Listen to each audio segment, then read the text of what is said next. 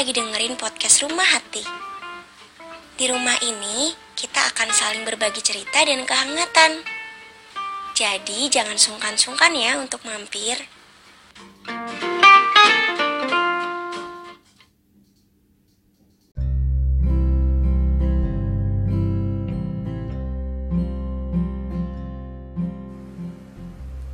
Halo semua, selamat datang kembali di Rumah Hati.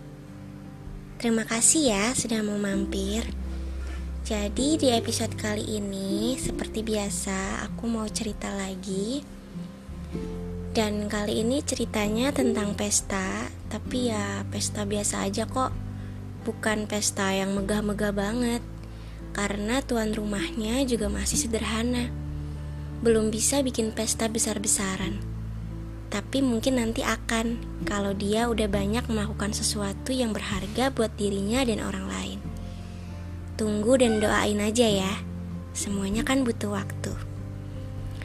So, tanpa berlama-lama lagi, ini dia si Ratu Pesta, diriku sendiri yang ya aku baru aja merayakan ulang tahunnya yang ke-19 di hari Sabtu kemarin, tanggal 7 November dan kebetulan aku suka pesta dan aku juga suka hari Sabtu. Kue tiup lilin balon karaoke bareng teman. Setel musik kenceng-kenceng sambil naik ke atas kursi sambil berhayal punya stage sendiri. Cerita horor bareng teman sampai kemalaman dan ketiduran. Dan berbagai aktivitas pesta lainnya aku suka semuanya. Sayangnya Kemarin cuma ada pesta di hari Sabtu. Nggak ada kue, tiup lilin, balon, apalagi karaoke. Tapi kalau kalian nanya senangnya berapa kali lipat, atau mungkinkah malah minus, jawabanku enggak minus kok. Bahkan plus plus 100 kali lipat aku lebih bahagia. Jadi awalnya tuh aku sempet takut sih ya takut aja gitu kalau tahun ini aku nggak dapet kehangatan yang sama. Apalagi pandemi juga kan. Aku takut kalau mereka semua teman-temanku maksudnya itu lupa kalau hari Sabtu kemarin aku ulang tahun. Dan alhasil dari hari-hari sebelumnya aku siap-siap pasang notif di home line.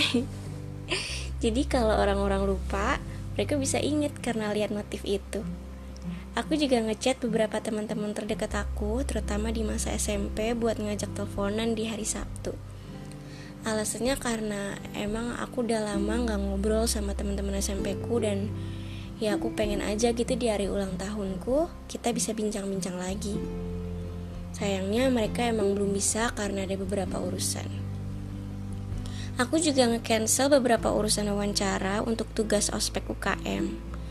Alasannya ya karena aku pikir aku harus bahagia di hari ulang tahunku jadi aku nggak boleh ngapa-ngapain.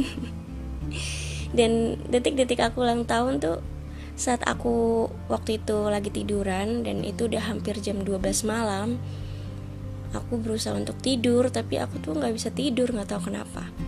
Aku terus mikirin kayak gimana caranya biar aku bisa bahagia keesokan hari.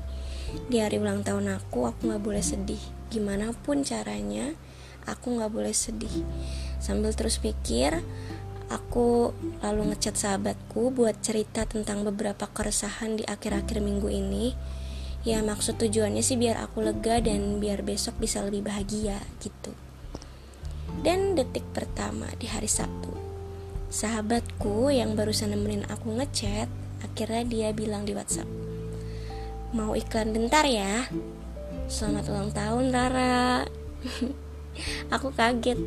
Saking asik cerita tentang keresahan dan mikirin ketakutan-ketakutan yang gak penting sama sekali Aku jadi baru inget kalau ini udah hari Sabtu.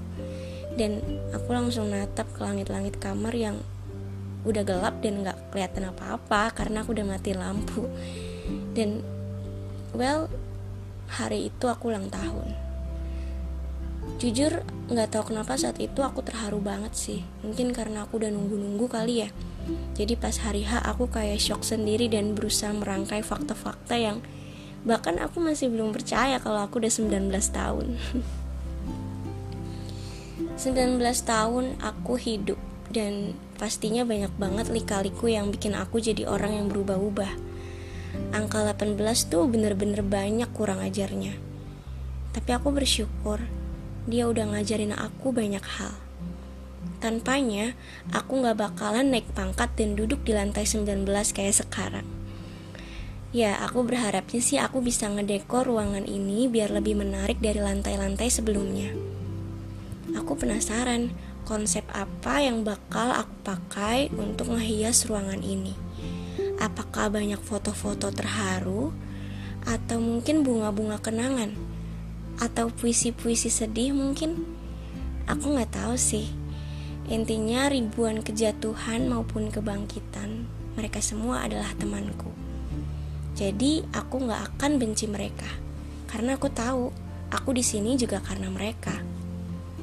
Dan kalau ditanya pesta terbaikku kapan, jujur aku nggak bisa jawab karena rasanya nggak ada yang nggak baik.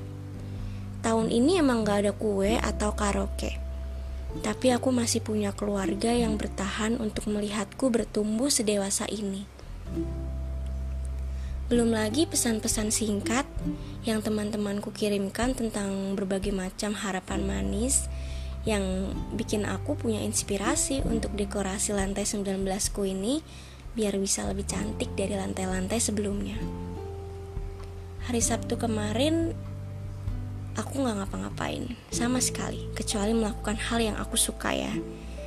Ya aku cuma bangun, sarapan, nonton YouTube, keluar rumah sebentar untuk makan siang bareng keluarga, jalan-jalan sebentar tentunya dengan protokol kesehatan ya. Terus pulang lagi, terus nyabutin ubannya kakak, terus ngobrol sama bapak sama ibu, berdoa malam, terus lihat-lihat langit kamar sambil berpikir lagi. Ya aku hampir setiap hari pasti selalu berpikir setiap malam. Saat itu yang aku pikirin adalah kenapa gitu Kenapa rasa untuk nggak ngapa-ngapain itu sebahagia ini Kenapa rasa untuk cuma diem Ngobrol sama keluarga Makan bareng semeja sambil cerita-cerita. Itu semenyenangkan ini. Terus selama ini aku ngapain gitu sampai nggak ngelakuin semua kebahagiaan itu? Itu yang aku pikirin saat itu. Dan aku langsung nge-review semua kejadian di hidupku selama mendiami lantai 18 ya bener sih kejadianku selama sebelum pandemi ya cuma kuliah hahaha sama temen. Pulang ke kosan di daerah Depok dan setiap Sabtu Minggu pulang ke rumah di Bekasi itu pun ya cuma buat sekedar numpang makan tidur habis itu belajar Bahkan selama perjalanan dari Bekasi Depok di KRL, aku tuh jarang banget nikmatin perjalanannya. Bukannya diem atau ngeliatin ya keadaan jalanan biasalah kalau kita naik kereta. Aku malah selalu baca bahan untuk pretest praktikum karena biasanya dulu kalau praktikum tuh selalu kalau nggak ada pretest ya ada post test. Jadi aku bahkan di perjalanan aja aku belajar gitu dan kalau arisan keluarga pun aku selalu ngasih syarat ke bapak dan ibu. Nanti temenin aku ya selesai arisan buat cari daun belimbing wuluh buat sampel praktikum. aku inget banget itu. Kayak setiap arisan atau setiap diajak pergi, aku pasti kalau nggak alibi untuk nggak ikut, ya aku ikut tapi ada syarat dan syaratnya itu pasti tentang kuliah gitu. Entahlah ya, mungkin ya pandemi terjadi juga untuk memulangkan orang-orang egois sepertiku yang seharusnya ingat bahwa ya nggak apa-apa untuk nggak ngelakuin apa-apa mungkin Tuhan juga lagi berbisik ke aku kalau nggak apa-apa kok kamu pulang ke Bekasi dan tinggalin tugas sebentar buat ngobrol sama keluarga. Nggak apa-apa kok kamu lihat layar Netflix bukan layar presentasi. Gak apa-apa kok sekali-sekali begadang buat main gitar bukan buat belajar.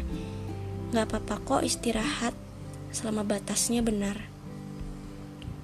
Mungkin selama ini aku ngelupain hal-hal semacam itu. Itu kesalahan terbesar sih yang bikin lantai 18 kemarin cukup kotor dan bikin aku agak kurang betah untuk mendiaminya. Tapi bersyukur karena sekarang aku udah tahu gimana cara bersihinnya.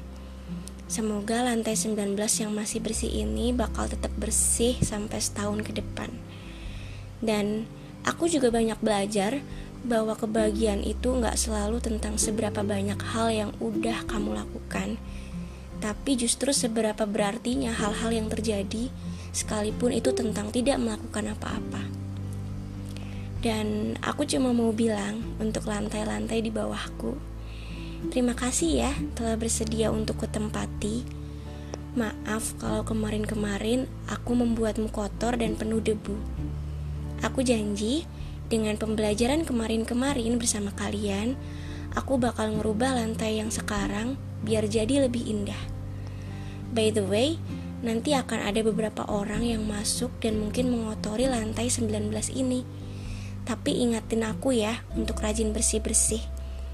Aku sih bersedia aja untuk naruh puisi-puisi sedih sebagai dekorasi di lantai ini. Toh, gak semuanya harus tentang permen dan kupu-kupu kan? Tapi kalau nanti ternyata lebih banyak puisi sedihnya, Jangan biarin aku untuk ngeremukin kertasnya dan buang gitu aja di lantai ya. Nanti kan jadi kotor. Aku tetap harus nyiapin figura seindah mungkin, walaupun isinya bukan tentang kebahagiaan.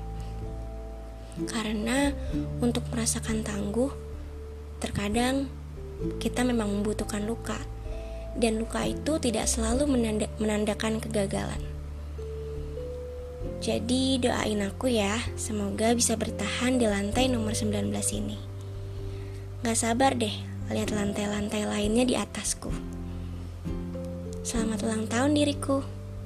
Senang melihatmu bahagia hingga detik ini. thank you